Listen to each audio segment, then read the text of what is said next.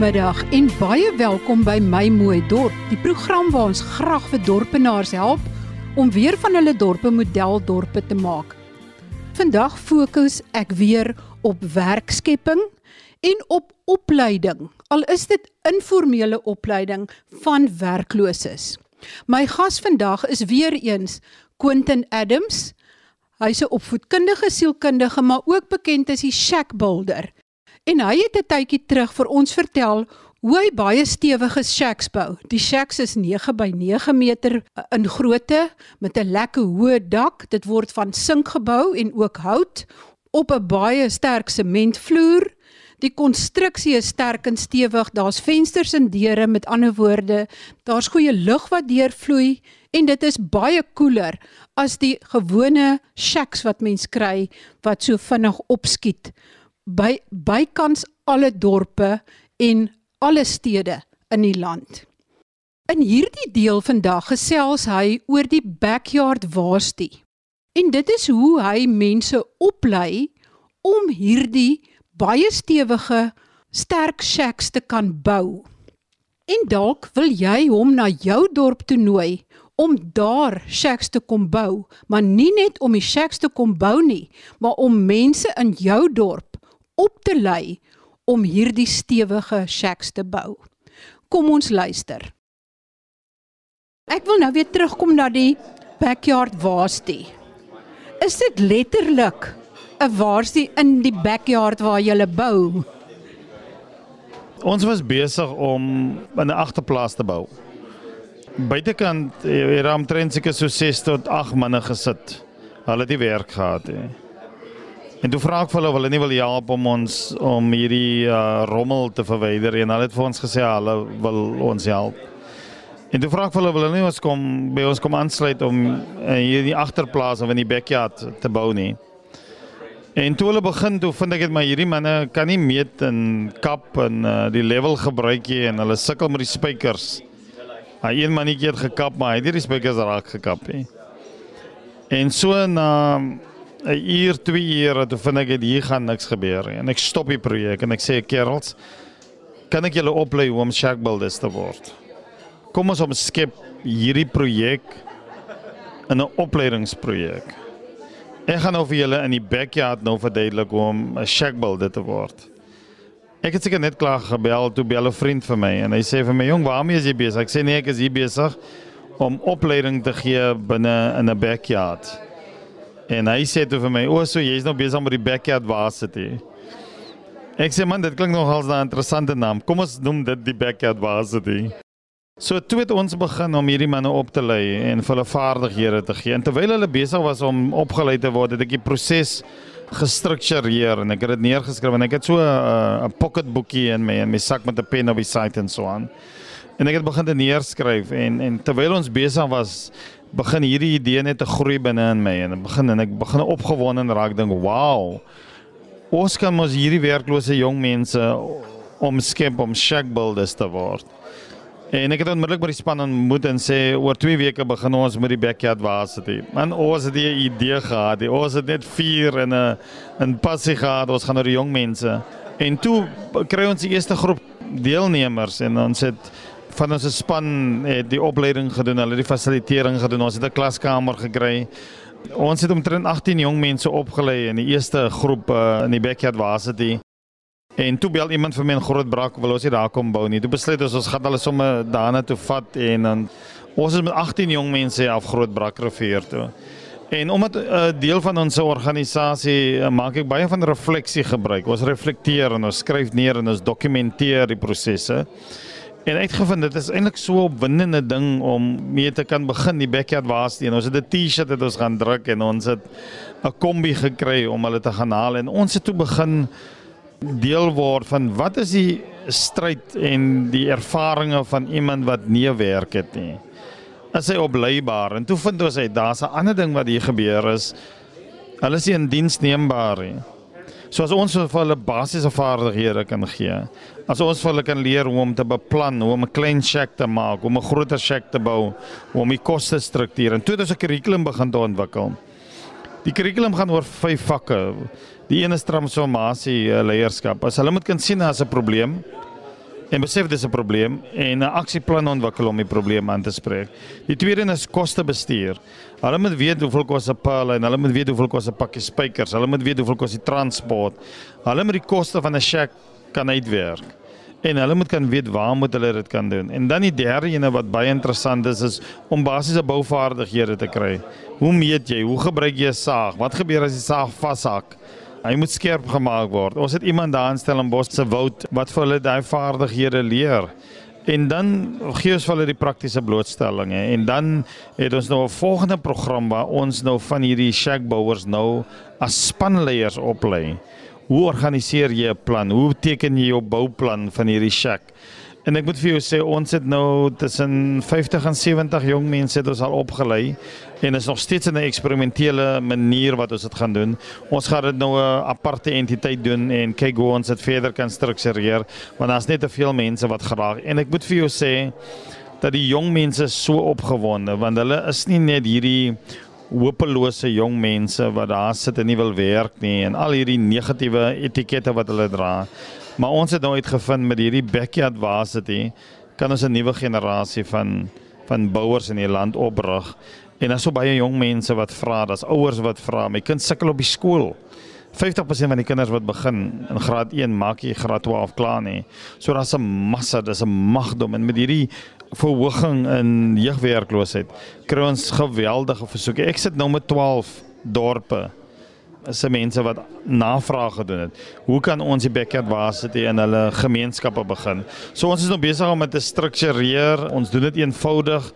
Maar ek moet vir jou sê as ons in daai kombi geklim het en die manne pak hy trok, jy weet, en hulle weet wat is 'n purline en ons neem hulle na die plekke toe waar hulle die plate maak. Ons neem hulle na die plekke toe waar die hout vandaan kom. En ek moet vir jou sê, ek dink ons gaan 'n nuwe revolusie begin in terme van om jeugwerkloosheid in hierdie land aan te spreek. Geen jong mens hoef op die straat te sit en nie vaardigheid het om 'n bydrae te kan maak in hierdie land nie. Nou wil ek weet, ek kom van 'n klein dorpie af in Oos-Kaap. Hoe sal jy byvoorbeeld te werk gaan as as ek jou nooi om soontoe te kom? Wat sou jou eerste stappe wees en sal jy dan mense uit daai gebied kan oplei om ook shack builders te word of hoe werk dit? Somme ek gebruik dit nou net as 'n voorbeeld. Ek wil vir jou 'n baie interessante antwoord gee. Jy het nou 'n versoek gerig en dis nou op die lig waar jy dit verrig het. Die antwoord wat ek gewoonlik gee vir mense is ja, ons is op pad. Nee, ons ons gaan nie 'n belofte maak nie, ons is op pad. So ons moet nou net 'n uh, datum vasmaak en dan moet ons dit organiseer en dan moet ons 'n paar jong mense kry en ons sal alles gereed kry aan hierdie kant. En dan kom ons en dan kan ons hulle deur um, 7 dae 10 dae program vat. En dan as ons daar ons mobiliseer 12 jong mense, ons verdeel hulle in twee verskillende groepe in. Ek het op hierdie stadium het ons nou 4 tot 5 mentors wat elkeen van hulle 'n shack kan bou, maar ons sal nie so groot wil gaan nie. Ons wil nie 5 shacks begin daar nie. Ons sal twee strukture sal ons daar wil opsit. Jy reël die akkommodasie. Uh ek dink die engine is al gereed. Hy is al warm om hier af te gaan. So ons is gereed om te kom en ons sal kom en ons gaan kom. En dan gaan jy sien hoe ons die jong mense deur die prosesse vat. En dan het ons 'n mentorskap projek daarna nadat ons klaar gebou het wat baie jong mense van nou en ek dink ons sukkel in hierdie land met hierdie een nasionale kurrikulum. Ons het on the job training. Ons kurrikulum gaan oor hulle sien wat gedoen word. So ja, ons is gereed om te kom en binnekort is ons in in die Ooskaap.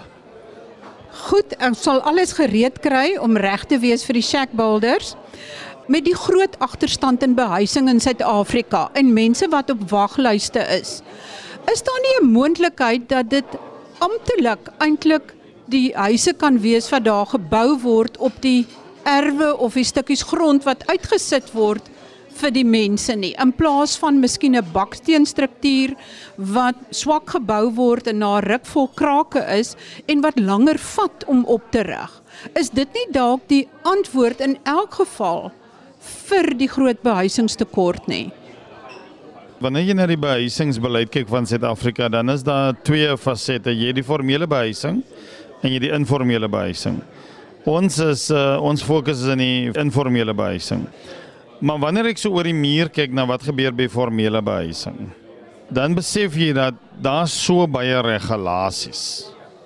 In Engels praat hulle van dit is overregulated, dis oorgereguleer. Want die tyd wat dit vat vir 'n projek om van die grond af te gaan, die prosesse, die dokumentasie wat daar moet voltooi word, die onderhandeling, die aanstel van die kontrakteurs, dit wat onder die grond is, die siviele werke wat moet gedoen word.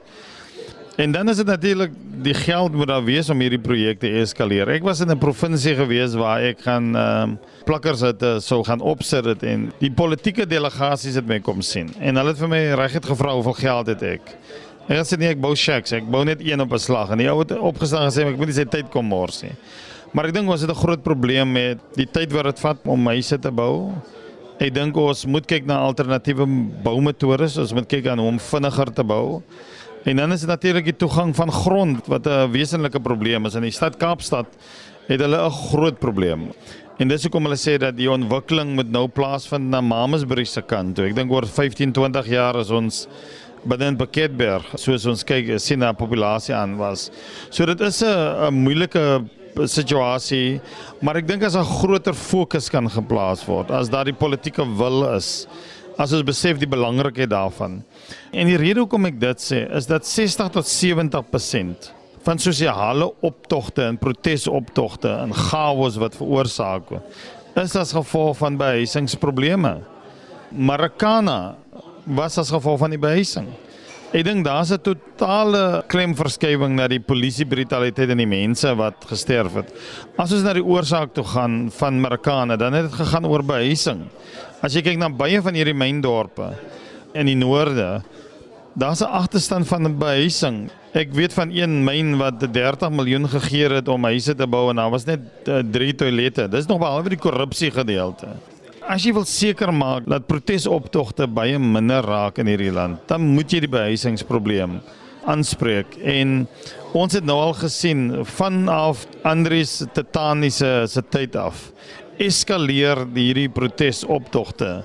Daarom dink ek dat as ons wil seker maak dis 'n beter bestel, daar's meer ekonomiese geleenthede, dan moet ons behuising 'n keer aan gedeelte maak want mense kan nie so sterf van hierdie krotbuurte wat ek dink aangespreek wel kan word nie. 'n Vraag wat ek net al moes gevra het is maak julle in die hutte wat julle bou, maak julle voorsiening vir waterkrane en so aan en vir elektrisiteit of nie? Wat ons wel nog gekry het is dat daar sekere informele nedersettings waar daar alreeds 'n elektrisiteit koneksie is aan daardie ou struktuur. En dis eintlik vir ons 'n baie goeie teken. Want dan beteken dit ons hoef nie deur hierdie rooi tyd te gaan van toestemming kry nie want dit beteken die mense is die eienaars van daai plot. Daai plot is alreeds geallokeer aan hierdie mense. Wat net wel gebeur is dat wanneer ons dan bou, dan gaan ons na die munisipaliteit toe en hulle betaal 'n fooi, sommige kere is dit 360 vir die diskonneksie daarvan. Dan dan kry sommige informele nedersettings waar daar is 'n buitetoilet.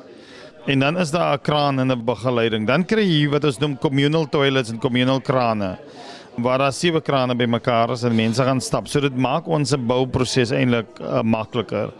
Maar ons het besluit dat ons nie daai fasiliteit gaan voorsien nie. So ons gee net 'n basiese struktuur.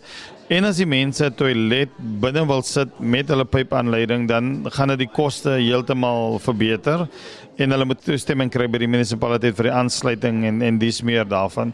So ons sit net die basiese struktuur op op hierdie stadium. Daar was al 'n 'n paar backyard plekke waar ons 'n koneksie gemaak het met 'n kraan en met 'n toilet, maar dis wanneer daar gestremde persone betrokke is en hulle sukkel regtig. Maar ons bou baie minimaal, ons bou uh, net 'n basiese struktuur en ons probeer op hierdie stadium aan mense verduidelik omdat daar so baie toilet uh, metodes is. Jy kry die chemiese toilette wat mense gebruik wat hulle verkies om te gebruik. Maar wanneer dit kom by die wateraansluiting en die toiletaansluiting, dan is daai mense self verantwoordelik met hulle selfverantwoordelikheid neem daarvoor. Quentin, wat is die grootste lesse wat jy die afgelope 20 jaar geleer het tydens hierdie shack bou proses? As ek drie goed kan uitlig wat ek dink belangrik is, want vir my gaan dit oor mense moet geaktiveer word om 'n verandering te maak. Ons kan nie net bly kla en ongelukkig wees in verdiep in depressie en angs en in hierdie uh neerslagtigheid. Uh, sommige kere raak ons verstrengel in ons eie neerslagtigheid, maar ek dink ons moet besef dat jy kan iets doen om verandering teweeg te laat bring. Dit hoef nie in Engels het iemand vir my gesê poverty can't be your destiny. Hierdie eh, bouvallige en squalid conditions kan nie jou permanente posisie wees nie. So die drie dinge wat ek geleer het is die eerste ding is is dat jy kan verandering teweegbring. Jy kan dit verander. Of dit nou 'n pothole is en of dit nou uh omgewingsprobleme is en of dit nou vuil is, is en of dit nou kinders is wat die kos het nie. Jy kan dit verander. Ons het op baie min goed gekom wat ons nie kan verander nie. En daai is al reeds vir my 'n belangrike gedeelte. En dan die tweede gedeelte wat vir my die aktiveringsgedeelte is. Doen iets en laat dit gebeur. Doen iets en laat dit gebeur. Ons het vir hierdie jaar 'n groot storm gehad in Kailicha byvoorbeeld en daar was groot waters wat daar geval het. En hierdie water was op pad na die shacks toe. En dis ek vir die manne kom ons bou 'n muur daarso. En ons het fisies 'n klomp blokke gaan haal en opgetel. My rug was so seer na daai 4 dae. En ons het die blokke opgetel en ons het daai water geherkanaliseer van die shacks af. En hy gemeenskap het vir 'n volle dag verward na ons gekyk. Want hulle was in paniek geweest. Hulle het toegelaat dat hierdie water instorm en ons het dit gebou met die klippe en ons het bakstene gegooi en ons het dit gebou. Ons het omtrent seker ek wil amper sê 2.4 muur gebou in die water uit waar ons net die klippe gepak het. Ek het baie goeie foto's daarvan. En dit het so groot vertroue begin veroorsaak en die tweede dag toe hierdie gemeenskap begin te deel word want want wat gebeur as hulle het gewag dat hierdie plekke moet oorstorm ons hoef nie toe dat armoede werkloosheid ons land en self misdaad ons land hoef te verswelg nie. Ons hoef dit toe te laat nie. Ons moet iets doen dan. Dan die belangrikste gedeelte en ek sê dit gereeld vir mense dis 'n baie religieuse stelling. Maar hoe loop jy op die water? Mense gee vir my baie snaakse verduidelikings hoe jy op die water loop. Jy moet uit die boot uit klim. Klim uit die boot uit. Niks dramaties en dinamies gaan gebeur as jy in jou gemaksone is nie. Jy moet opofferinge maak. Jy kan nie by die huis kla oor hoe die pad lyk en hoe die land lyk as jy nie iets doen dat werklik doen nie. En dit is wat vir my uh, op hierdie stadium in my lewe energie en 'n dryfkrag gee om veranderinge te bring. En dan die laaste gedeelte is dat mense gebruik hierdie woord so lukraak kompleksiteite. Jy gaan in 'n gesprek hoor jy dis kompleks. Alles is kompleks. Die woord kompleks het nou al begin te grens aan ons wil iets doen aan nie. Begin klein dinge te doen. Die mense wat werk in die behuising sal vir jou sê dis 'n massiewe groot probleem. 600 000 mense moet huise kry. Hulle bou omtrent 2000 3000 huise 'n jaar. Ons praat van 600 000 huise. Ons bou een shack op 'n tyd. Ons bou een shack op 'n tyd. Ons het nou al meer as 100 begin te bou. Ons wil dit nou eskaleer na 200 en 300 toe. Ons gaan dit eskaleer na 'n miljoen toe. Dit weet ek. Maar jy moet iewers begin en jy moet klein begin. En jy moenie laat oorweldig word met hierdie akademiese jargon nie. En ek dink ons moet waaksaam wees teen die in Engels praat hulle van the paralysis of analysis. Mense analiseer goed so kompleks. Dis sulke komplekse teoretiese doen iets aan dit. As daar 'n pothole is, dan maak jy die pothol reg. Jy praat nie rondom die pothol nie. Jy gaan nie oor die geskiedenis van die pothol nie. Ek kan nie verander wat 50 jaar gelede gebeur het. Ek kan nie verander wat 20 jaar gelede gebeur het nie. Maar ek kan 'n nuwe struktuur bou vir 'n gestremde vrou wat blind is wat op hierdie stadium 'n versoek rig kan ons vir haar kan bou. Ons kan ons kan nie die hele klawer gaan uitsorteer nie. Maar ons kan vir daai ouma en daai oupa wat se kind vermoor is, ons kan hulle huis kan ons gaan verbeter. En dis hoekom ek sê dat my ingesteldheid en my model en my aksie is weg van kritiek, is weg van ooranaliseer. Is kom ons doen iets. Kom ons begin iets klein. En dis hoekom die domino effek teorie vir my so. Daai klein dominoetjie wat die volgende een en dan die volgende en dan die volgende een.